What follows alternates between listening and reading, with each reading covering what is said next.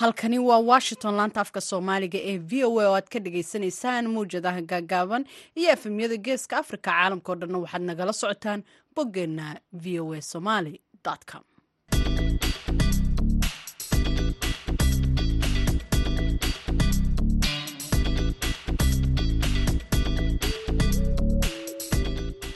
duhur wanaagsan dhegaystayaal saacadda afrikada bari waxay tilmaamaysaa kowdii iyo barkii duhurnimo waana jimco saddex iyo labaatanka.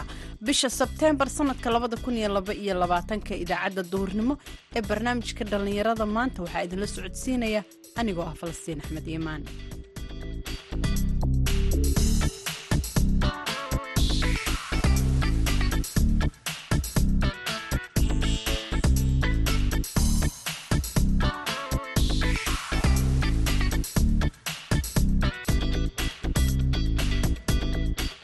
qodobada idaacaddeenna duhurnimo idinkuga haynana waxaa ka mida barnaamijkii sooyaalka dhaqanka oo aanu ku eegi doono isbeddelka ku yimid dhaqashada xoolaha iyo dadka reer magaalka ah. Oo waxaa laga yaabaa geela iyo lo-da haddii anigu aan haysto maalinkii in boqol doolar ay gasho ama boqol iyo konton doolar raashin gaadhaya la siiyo. Macal shaqaalaha macal waxoo dhan markii laisu geeyo lagama yaabo dee in laga helo boqol iyo kontonkii doolar marka jiilaalka oo aad u yara dheeraaday iyo jiilaalka hore laga soo baxay laba jiilaal oo isgalay waxaa kaloo aad maqli doontaan kaalimihii heesaha. Ah marka horese ku soo dhowaada qodobadii wararka caalamka ugu waaweynaa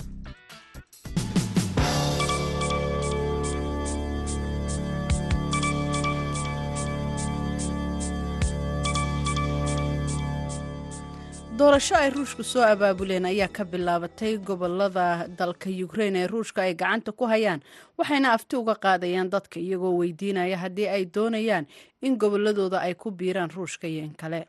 Codayntan ayaa ka bilaabatay maanta oo jimco ah magaalooyinka lohaniski kherson iyo qaybo ka mida deegaanka ruushka uu gacanta ku haya ee sobrisia ee gobolka doniski codayntan ayaa loo arkayaa qaab ay ruushku doonayaan in ay ugu qiildayaan in goboladaasi ay kula wareegaan. Si weyna waxaa looga cambaareeyay waddamada reer galbeedka ururka amniga iyo waxwadaqabsiga ee yurub ayaa ku tilmaamay aftidaasi inay tahay mid sharci darro ah. Codaynta jimcaha ayaa waxaa ka horreeyay baaqii madaxweynaha ruushka valadimir putin ee ahaa inuu u yeerayo ku dhowaad saddex boqol oo kun oo askar siyaado ah si ay uga qayb galaan howlgalkiisa militari ee gaarka ee ukrain putin ayaa hadalkan ka sheegay khudbad uu ka jeediyey telefishinka waddankaasi isagoo sheegay inay diyaarinayaan ciidamadooda kaydka ah. Taasina waxay ka dambeysay kadib markii ruushku ay guuldarro kala kulmeen qaybo ka mida dalka ukrain iyadoo ciidamada ukrain ay dib uga qabsadeen gooba ay horey ruushku u haysteen. Mudaharadayaasha ayaa dalka iiraanna waxay weli sii wadaan inay isku dhacaan ciidamada ammaanka saaka aroortii kadib markii gabar dhallinyaro ah ay ku dhimatay gacanta booliiska sida tv-ga iiraan uu soo warinayay iyagoo aanan faahfaahin dheeri ah bixin ayay ku sheegeen dhimashada ka dhalatay banaanbaxaasi inay hadda kor u dhaaftay labaatan iyo inkastoo deegaanada ay banaanbaxyadu ka dhacayaan ay ku kooban yihiin dhowr magaalo oo dalkaasi ah haddana ma cadda haddii dhaqdhaqaaqani uu salka ku hayo. Deganaanshiya la'aantii labadii kun iyo sagaal tobankii in kale markaasoo kooxaha xuquuqda aadanaha ay sheegeen in boqolaal qof la dilay. Kadib markii awood loo adeegsaday mudaharaadayaasha iiraan ayaa sidoo kale waxa ay qalqalgelisay adeega internetka sida ay sheegtay hay'adaha hay'adda la socodka adeegyada internetka dunida. Sidoo kalena waxaa adkaaday adeegsiga aaladaha whatsappka iyo instagram-ka oo ay mudaharadayaashu fariimaha isku dhaafsanayeen. Sida telefishinka dowladda uu sheegay gelinkii dambe ee shalay labaatan iyo lix mudaharadayaala iyo booliis ayaa lagu dilay. Banaanbaxa tan iyo markii ay bilowdeen rabshaduhu gelinkii dambe ee sabtida markaasi oo la aasay mahsa amini oo ahayd gabar labayo labaatan jir ah. Inkastoo aan faahfaahin la raacin tirada haddana waxay warbaahintu dowladdu sheegtay in goor dambe oo maanta ah la sii dayn doono tirada rasmiga ah ee dadka ku waxyeeloobay mudaharaadyadaasi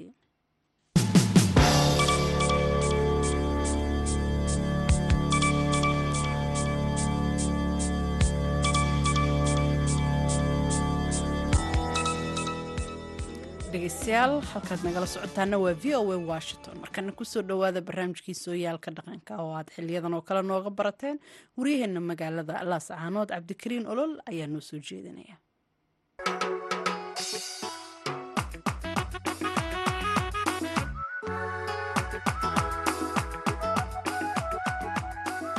Kulanti wacan oo wanaagsan dhegaystayaal ku soo dhowaada barnaamijkeenni sooyaalka dhaqanka. Oo idinka imanaya magaalada laascanood barnaamijkan haddii rabbi raalli ka noqdo toddobaadkan waxaa marti noogu ah cabdiraxmaan jaamac miro oo ka mid a dadka xoolodhaqatada ah ee iyagu magaalada laascanood xoolaha ku dhaqda. Waxa uu sharaxayaa dadka magaalada jooga siday xoolaha u dhaqdaan iyo saamaynta abaaruhu ay ku yeeshaan iyadoo dadka reer miyiga ay haatani ku jiraan xaalad u adag xaalad aad u adag oo saamayn ku yeelatay xoolihii ay dhaqan jireen oo ay saamaysay abaaraha ka jira guud ahaan gobolka sool waxaana diiradda aan ku saari doonaa barnaamijkani waxyaabaha laga baran kara dadka reer magaalka iyagoo xoolaha dhaqda iyo faa'iidooyinka ay ka heli karayaan dadka reer miyiga. Wallahi nin xoolaha nin badan baan ku soo dhex jirnay. Jiilaalo badanna way soo mareen. Hadeertana jiilaalku waaba ku sii dheeraaday oo aad baa jiilaalku ugu adag yahay. Xoolaha badankoodu wallahi wixii wax la siinayay waa waa la yara qaatay oo iska yara fiican yihiin lakiin xoolaha badankoodu boqolkiiba sagaashan way jilicsan yihiin. Anigu waxaan haystaa lo lo'daa iyo geel lo iyo geel baan haystaa. Lo'daasu laba nooc bay isugu jirtaa lo'da soomaaliga iyo lo'daa kale holandeyska isugu jirtaa. Labaduba magaalada dusheeda unbay joogaan meel fog kama jiraan. Labadaba gacanta unba wax laga siiyaa. Xoolihii waxay noqdeen muddadii hadda labadii saddexdii sane u dambeeyey. Abaar baahsan baa jirtay oo roob la'aan baa jirtay iska soo daba noqonoqonaysay marka sanadkana waa tii roobkii la waayey marka wallahi hadeerto abaartu dee waktigiina wuu adkaaday roobkii bishii sagaalaad baa dhowr iyo labaatan dhowr iyo toban sii markaaniyo wallahi aad bay xooluhu jilicsan yihiin anagu laakiin alxamdulillahi rabbilcaalamiin xoolahayagu mar horeba raashin cun bay iska ahaayeen. Wixii ilahay siiyana kale way iska cunayeen waa xoolo iska banaankaana iska joogjoogay ahaayeen lodu waa lo iska xaraysan oo iyadoo awalba banaan uma bixi jirin oo way iska xaraysan tahay halkeedaasay waxeeda ku cuntaa geeluna meelihaasu iska marmaraa laakiin wuu isna raashin cunun bu ahaa marka xoolaha intaan raashin la siin sanadka maanta dee roobkii gugi iyo dayrtiba aad bay isaga yaraayeen. Cabdiraxmaan waxaa jira dadka reer magaalku hadda waxay u dhaqanayaan xoolaha si weyn. Bal waxaad iga warantaa dhaqashadoodaasi iyaga siday u saameynaysa abaarta. Marka laga yimaada in xooluhu ay ahaayeen kuwo xaraysan oo ay gacanta ku hayeen bal siday u saamaysay guud ahaan gobolka sool iyo degmada laascaanood dadka xoolaha geela iyo lo-daba ku haysta. Way saamaysay oo waxay noqotay xoolihii in gacan wax lagu siiyo. Iyadoo haddeer kiishii geleyda aha beri dhaweyta shan labaatan iyo toddoba iyo labaatan tegayey marayey xoolaha dee waxaa la siiyaa geley iyo raashin iyo buusha iyo waxaasaa la siiyaa dee waadna garanaysaa kiish geleya markaad soo qaado maanta shan labaatan doolar lagaa siiyo oo uusan kaa kicinayn toban neef aad siinayso marka wixii waxay noqonaysaa dee inaad xoolihii gacanta lagu quudiyo oo qarash aad u fara badan baa jiilaalka ay galaan dadku. Weliba dadka reer magaalka dadka reer miyigu iyagu dee waxaaba dee awal horeba kamay heli jirin iska daba socdeen oo manaafacaad badan inay iska dhaqdaan maahaano oo dee iska maalaan maahaane maanta iyagu waxay siiyaanba aad bay boqolkiiba sagaashan dadka baadiyaha xoolaha baadiyaha lagu haystaa ay u yar tahay. Dadkan reer magaalka ee hadeerto ku soo yaacay xoolaha ee xoolaha dhaqanaya ee xoolaha wada ee caanaha ka soo maalaya ee raashinka siinayana wallahi boqolkiiba sagaashan waxaan leeyahay dee sanadka maanta khasaare aad u weyn bay gelayaan oo waxaa laga yaabaa geela iyo lo-da haddeer anigu aan haysto maalinkii in boqol doolar ay gasho ama boqol iyo konton doolar raashin gaadhaya la siiyo macal shaqaalaha macal wax oo dhan marka laisu geeyo. Lagama yaabo dee in laga helo boqol iyo kontonkii doolar marka jiilaalka oo aad u yara dheeraaday iyo jiilaalka hore laga soo baxay laba jiilaal oo isgalay dadku inay isaga dhabar adeegayaan maahaane wallahi khasaare aad u badan bay gelinayaan dadka oo ah dhaqaale inay geliyaan xoolihii aad u fara badan si aysan xoolihii dee u tirtirmin ama aysan u fadhfadhiisan in waxay hayaanba ay geliyaan ama deyn ku qaadeen ama deeq ku qaadeen dadka xoolo dhaqatada ee magaalada laascaanood joogaana ee dhallinyarada ah ee samaystay xoolaha ee hadeerto raashima ee meel kastaba ha joogeenina hadeer hantidooday geliyaan. Maadaama dadkan xoolaha hadda ku dhaqanaya duleedka magaalada laascaanood ay yihiin dad ganacsata bal ka waran hadday calafkii xoolaha u sameeyaan oo qorshaha ku darsadaan si ay xoolaha ugu heli lahaayeen caws oo xilliga jiilaalka oo kale ay ku baxsadaan oo kale. Arrimahaas oo kale ma ka hadlaana weliba arrimaha dhowr jeer baa laga hadlay oo laisla soo qaaday weliba dad badan oo gruubka ah oo xoolo dhaqato laasacanood joogta. Waxaa laysku dayayaa in horta warshad la sameeyo calafka keenta la sameeyo oo galbeedkaasan dhow galbeedkan dhow aba laga helaa waa dhowroodu tahayada ka bixbixiyeen oo waa la keenkeenay. Laakiin mashaakilka dhulkeenna ka jira dhulkan dhulka hawdka waa laga yaabaa in la geeyo bahashaasoo dee dhir badan ay hesho oo ay shiido. Laakiin haddii la yaaba waxbaa la beerayaa iyo bal iyo waxa inkaasa dhulkeenu biyo qadhaadh buu leeyaho dhanaan waxba aad ugama soo baxaan. Bahashaasuna waxay ku fiican tahay meel dhir leh. Baalkan calafka marka la diyaariyana dhir qura lagama diyaariyo. Raashin baa lagu daraa ka mid a aytamo ka mid a raashinkaa lagu daraa sida geleydoo kale buushahoo kale sareenkoo kale waxyaalahaasaa lagu daraa oo ku jira dee lagu darayaa cawskii lagu dhex darayaa waanu ku tala jirnaa inaanu si dhaqsaa u keenno bahasha. Habka xoolo dhaqatada waayihii hore dadku waxay u badnaayeen dadka reer guuraaya oo magaalooyinka aad bay ugu yaraayeen in xoolo lagu haysto. Bal ka waran maxaa isbedelay muddadan hadda dadku ay u soo jeesteen iyo waxa ay dadku ka fahmeen in qaabkan xoolaha loo bedelo la soo xaraynayo guryaha seerooyinka loo samaynayo. Wariba berigii hore xoolaha dee waa la sii dayn jiro lama manaafacaadsan jirin waa la daba socon jiray ka daba socdaana siduu daba socduu dhiman jiray ka kale ee raacayaana siduu u raacayo saaqid ku noqon jiray. Nin walaba toban caruura dhalayba tobankiisa caruura iyo waxbarashana ma heli jirin waxna ma heli jirin. Si ay u daba socdaan baa midba jiilba jiil bedeli jiray oo jiilba jiil ka dhexli jiray xoolahaas dadkuna aqoon ma lahayn berigaasoo dee aqoon uma lahayn xoolahan qaabkan in loo dhaqi karo oo kale. Marka haddeerto systemkii wuu isyara bedelay waxaa laga yaabaa dadkan haddeer xoolo dhaqatada ee dhalinyarada ee aadka ugu badan in haddeerto waxna la bari baadiyihii ka soo gadanayaan hasho ay kun iyo shan boqol oo dollar ay maraso.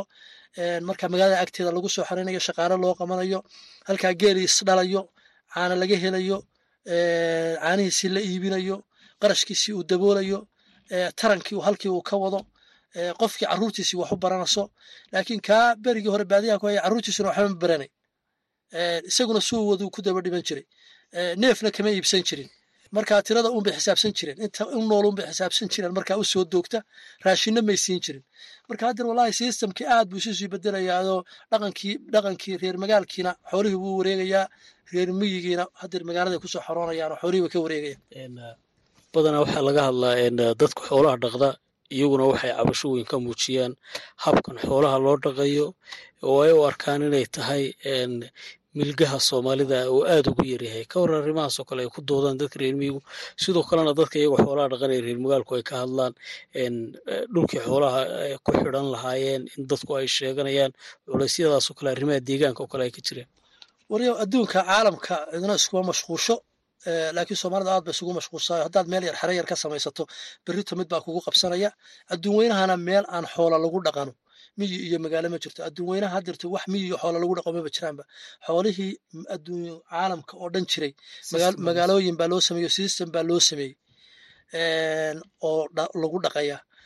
Waxaa laga yaabaa haddeerto ilaa intaan haddeer xoolahan la bilaabay systemkan haddeerto xoolahan aan ku bilownay ilaa haddeer afartan way gaadhayaan baan u malaynayaa nin oo geela haddeerto dhaqday oo aanan wal hore hal lahayn. Marka taariikhna aan hal yeelan maantana boqol halaad leh baa jira. Marka way dhacaysaa weligood ba ha yidhahdeen halkan xero ha laga dhigin iyo halkan iyaan waxba laga dhigin. Waxay noqonaysaa in xoolihii ay isugu yimaadaan in xoolihii la dhaqo oo la xereeyo oo wax la siiyo.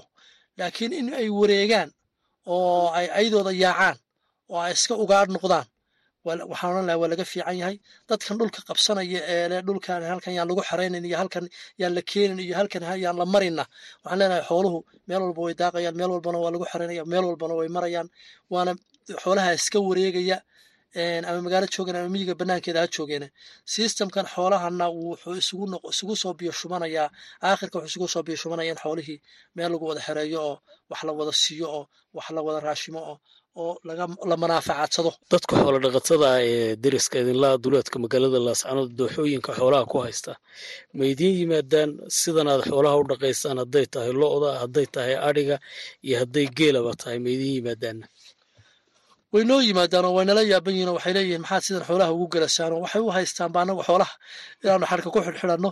Waxay leeyihiin halka geela ka kaxeeyo oo halkaa geeyo oo meel heble geeyo oo meel heble caws laho waxay ka sheekaynayaan meel heble u kaxeeyo. Dee geelii la kaxayn jiray ee qorfaha lala wareegi jiray unbay leeyihiin waxay leeyihiin meel heblaha roob lagu sheegay maad geysaan meel heble maalin walba dee yacni meel geel ganacsi u jooga oo dhaqaale laga rabo oo isagii la rabo in dhaqaale la geliyo. Bay leeyihiin meel heblaha roob laga helay meel heble maad geysaan marka waxyaalahaasay nagula taltaliyaan. Annaguna waxaanu ku dhinahnaa geelan intanunbu iska joogaya ilaahay raxmaad ha ugu shubo. Wixiisaana yarna waa la siinayaa laakiin marba meel masaafo dheer lama qaxin karo oo looma oo looma kaxayn karayo. Marka anigu waxaan ku odhan lahaa dadka xoololaqatada ha la iska daayo masaafadan iyo intan geedigan aadka u faraha badan.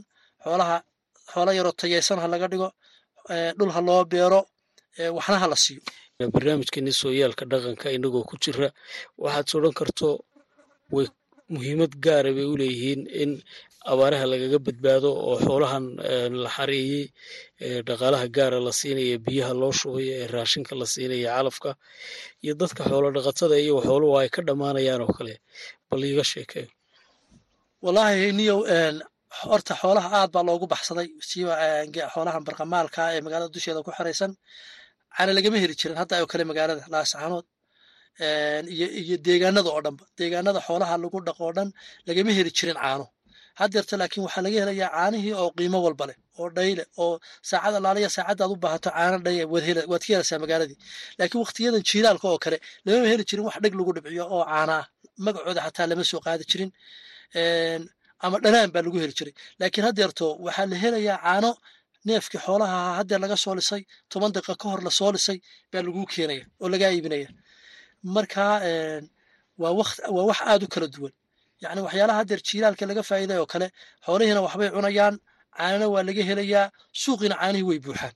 Waqtiyada jiilaalka ana caana lagama heli jirin xoolaha.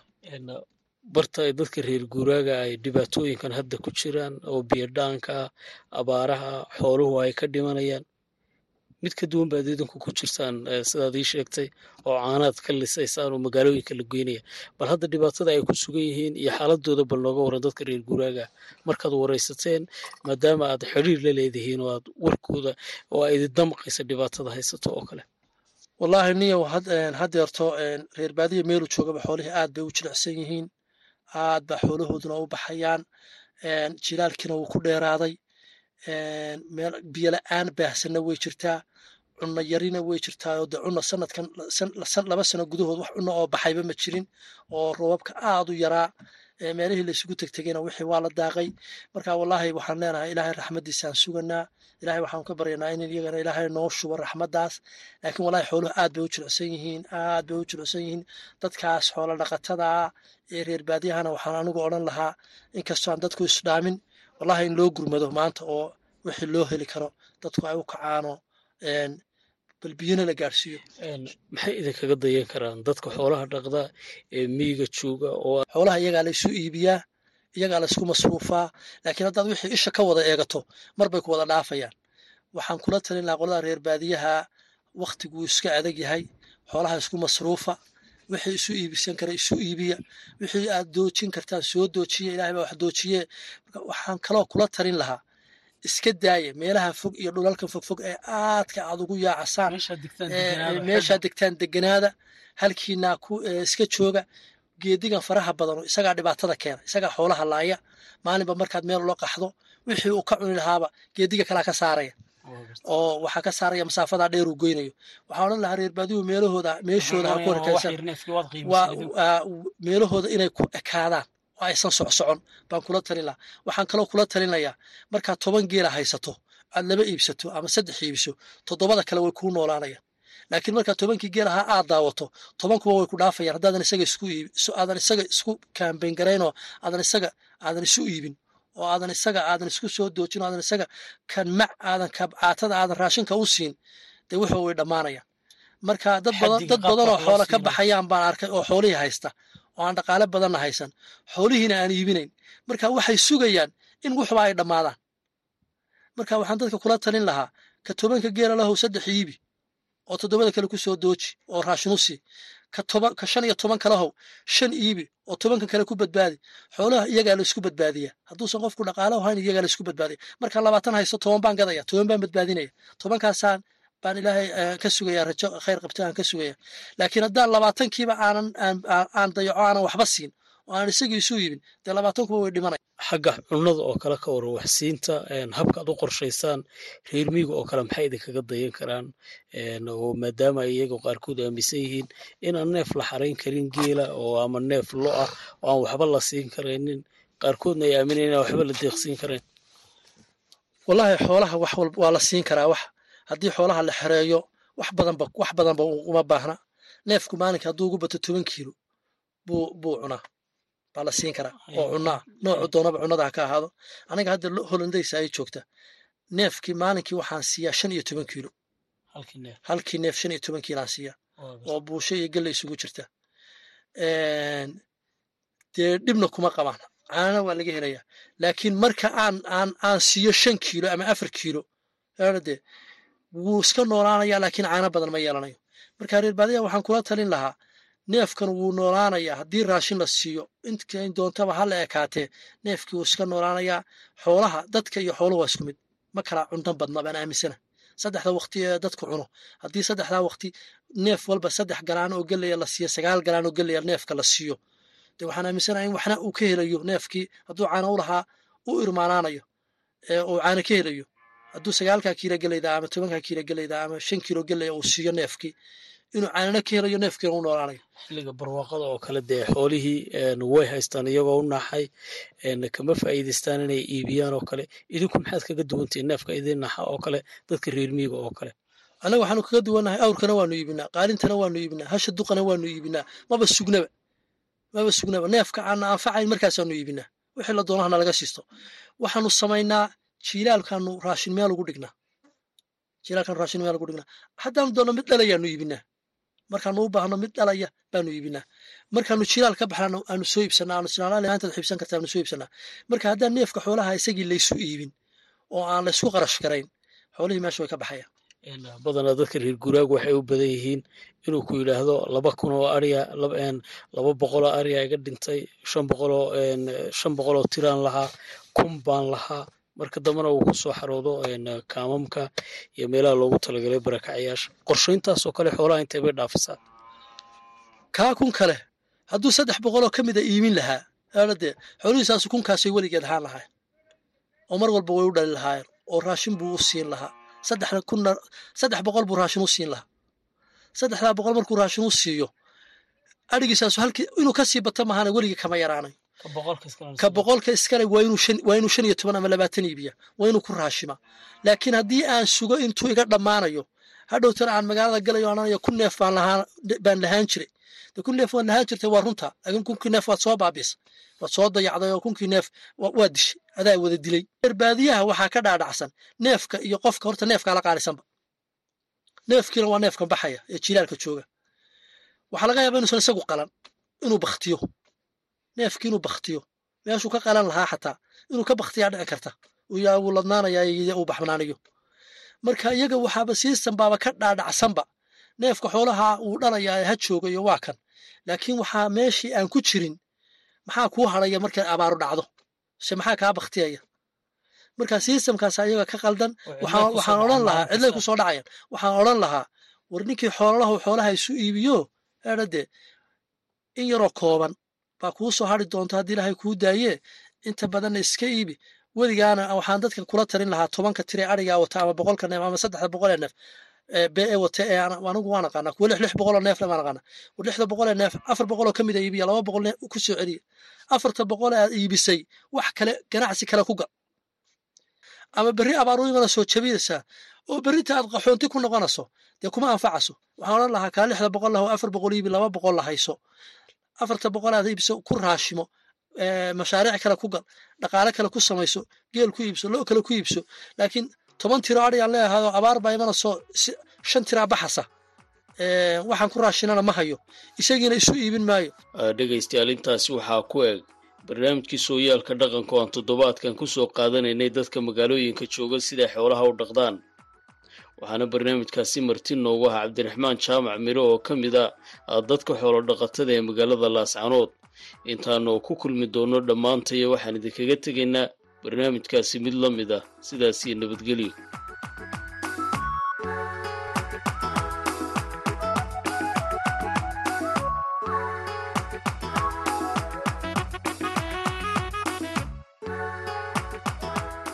anu intaasi ku dhaafno barnaamijkii sooyaalka dhaqanka cabdikariin olol ayaa nala socodsiinaya markanaha dhinacii heesaha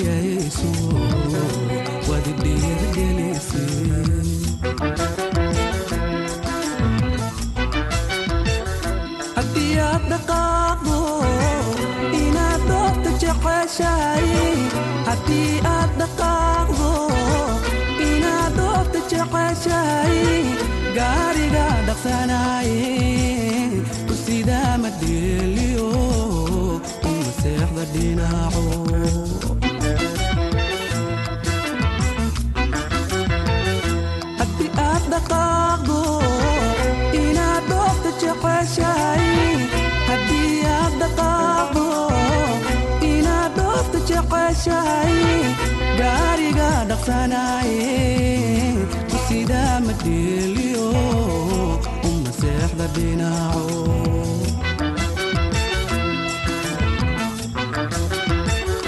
ilaahay dhantaalkiyo kuma tusa dhibaato ayan dhalana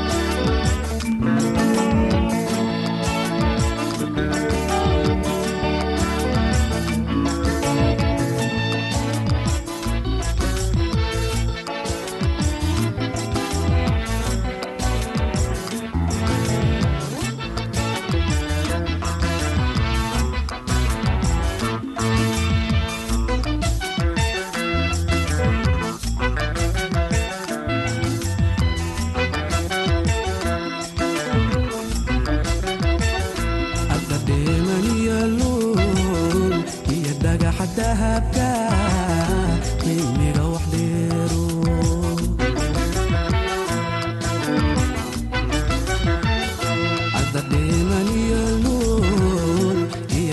soo dhacay